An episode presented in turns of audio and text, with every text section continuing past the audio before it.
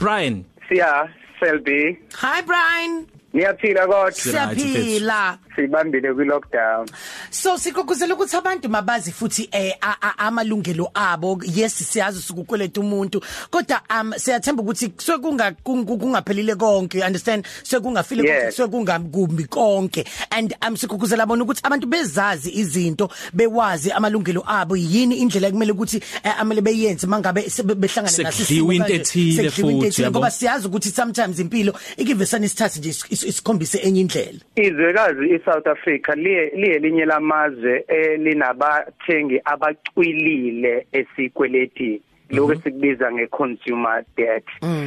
Inani libalelwa kuma trillion yemali ecwilile kubathengi engakatholakali ezanywayo ukutholwa. Kune kunemboni ke la ngaphansi kohlelo lokukoleka izikweletu ebizwa nge-Council for Credit Collectors. Leyo mboni iyona ebhekelele ukuqoqwa kwezikweletu isebenza ngaphansi komthetho i-National Debt Collection 114 ka1998 siya nawe selfie ake silikhulume bafuthi iqiniso. Seku insakavukela uthola ukuthi uthola i-call eh uthola ukuhlukumezeka uthola ukuphatheka kabi.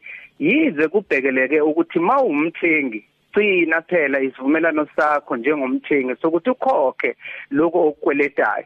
Kodwa ke kukhona izinto ezithile kumbe ama tactics athile njengoba ngithi nje sekwaba yinsakavukela ama collectors awasebenzisayo ukuthola imali back. Wona kusuke kwama atheni noma kwama agents asuke eqashiwe ukuthi akolekele zeimali uyawuthola ukuthi esikhathini esiningi uyafona usatshiswe eh ngezinyathelo zomthetho angikubali angikubalula ukuthi eSouth Africa akekho umuntu onelungelo lokukusabisa noma lokukuhlukumeza. Nanoma ngabe uza egameni lezimali yini ukusabisa Ufone- Brian? Ngoba omunye ngathi angizange ngimsabise uma seyikuphikela umthetho siya we- i- i-National Collection um, Act uyachaza ngokusobala. U- usection 415 wakhona uyachaza ngokusobala ukuthi ilungelo lomuntu akumele uliviolate ake ngichaze nje siyakuphendula umbuzo wakho direct.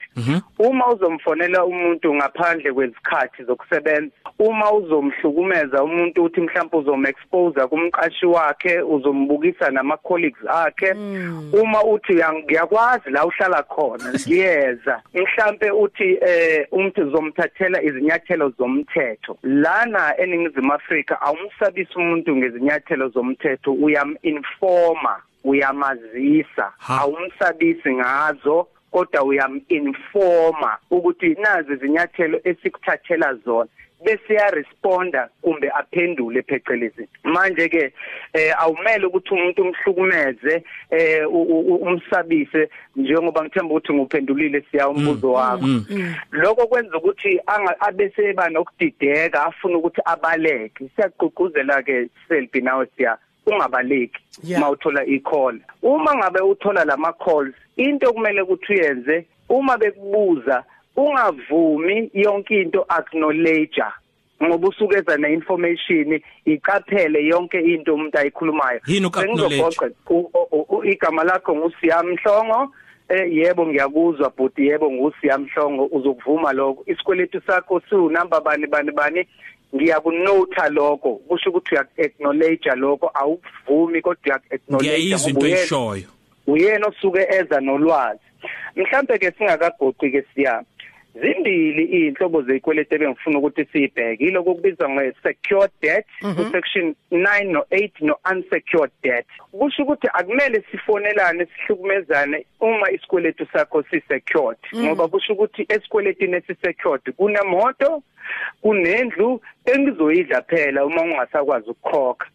Uma isikweletu si-unsecured kufuneke umuntu azame abonisane akunxenxe ukuthi ugcina usikweletu ngaphandle kwempoqo ngaphandle kokuhlukumezana. Yeah. uma isikweletu si-prescribed kusho ukuthi mase kuphele iminyaka emithathu ngihluleka ukusithola isikweletu kuwena kumele sicishwe kuma credit bureaus. Kumele ngingabe ngisaqhubeka nokukufonela ngikuhlukumeze ngoba iprocess uhlelo lulula kakhulu. Umuntu mawuhluleka ukumthola efonini kunezinyathelo zomthetho okumele umthathele zona. Kodwa umuntu mayithi isikweletu sami sika 2015 kodwa ngiyaqhubeka ngithola incingo ezizayo kumina lokho sekungaphandle komthetho. Asigqugquzeli ke siya ukuthi abantu nawe sethi bangazikhokheli ikweletu Yes, zabo. yeah. hamba buyela sikhokhele isikweletu sakho ukuze igama lakho libe lihle. Kodwa kuma credit bureaus njalo umuntu mayekufonela ithi isikweletu sakhe sika 2013 hamba phela uyokwenza i-credit check ubone ukuthi sisakhona ngempela yini leso sikweletu kwi-credit bureau. So Brian um ngicela sibuyele khona la futhi ku ku- ku prescribed debt la othi khona em a- a- mangabe a- abantu ubona abakweleti bakho eh laba b- ma- ma- masingabe bengabuyanga mhlambe for 3 years kuwena kufanele ngabe sesiyacinywa leso sikweletu leso. So a- a- akhona ukuthi 5 years because ngangizwa b- before kuthiwa no after 5 years so kuba u3 years. I-judgment isinqumo esithathwe inkantolo siya sidlule eminyakeni ewu5 kuya nokuthi isiphi isinqumo esathathwa. Kodwa isikweletu makuthiwa siprescribed akusho ukuthi sisuliwe kuloyo omkweletayo. Sisho ukuthi sisulwe kwi-credit bureau. Sisho ukuthi akasakwazi ukuthumela yena ama-agencies ukuthi azocollecta abese kusabisa ngezinyathelo zomthetho. Ake ngichaze lokhu nje siya nawe self uma umuntu ethi uzolistwa kwi-credit bureau lokho kwenziwa ama-collectors. Kubizwa nge-delinquency collection. Vele usukusulistiwe kuma-credit bureaus. Ucollector nje ukufonela nje ingoba vele ulistiwe. Ayikho ilisting esazodlula leyo suke ichaza. So usuke kusabisa ngezinyathelo zokuthi mhlambe uma ekusabisa ngomthetho uzophaphama kuyima ufuna ukuthi khona okwenzayo. Kodwa wena usuke usuvele ulistiwe. Wena kumele okumele ukwenze acknowledge bese uzwa ama processes ohlelo lasenkantolo. Uma ungakwazi ukuhlangabezana neplan noma nohlelo okumele ubuyisele ngalo leso sikweletu. hayi icace ba. Icacile. Ngiyayithanda futhi lento oyishoyo yokuthi akugqugquzelwa la ukuthi abantu babalekele Iy'kweletu. bagcine bengakhokhanga. Ukwazi nje amalungelo akho nezinto ongafuni ukuthi uxhopheke kuzo uma zenziwa ngenxa yokuthi unesikweletu. Sibonga kakhulu sos bonga kakhulu baba Bye Brian sikuthola kuphi nendawo masikudinga mhlambe WhatsApp mhlambe khona social media abadinga ukucaciseleka kabanzi bangaxhumana nami ku WhatsApp siqhube le ndaba inamba yithi 083 623 1391 Ku- nge- nge- isecond nje mfowethu eh kuveziwe ngokusobala ukuthi kulezi insuku ze lockdown akekho ama collectors avunyelwe ukuthi aqhubeke nomsebenzi as usual wonke ama collectors alindile ukuze kuphele i lockdown ngoba siyazi ama call center nama office avaliwe mawuthola i call noma uthola i message bazise ukuthi ama office enu avaliwe Je. siyokhuluma after i lockdown Siyabonga Brian Tabete sikuthanda ngendlela esimangaliso bye bye swear man ngiyamthanda Coffee Cafe. Ilunch yakho ayifani neyizolo.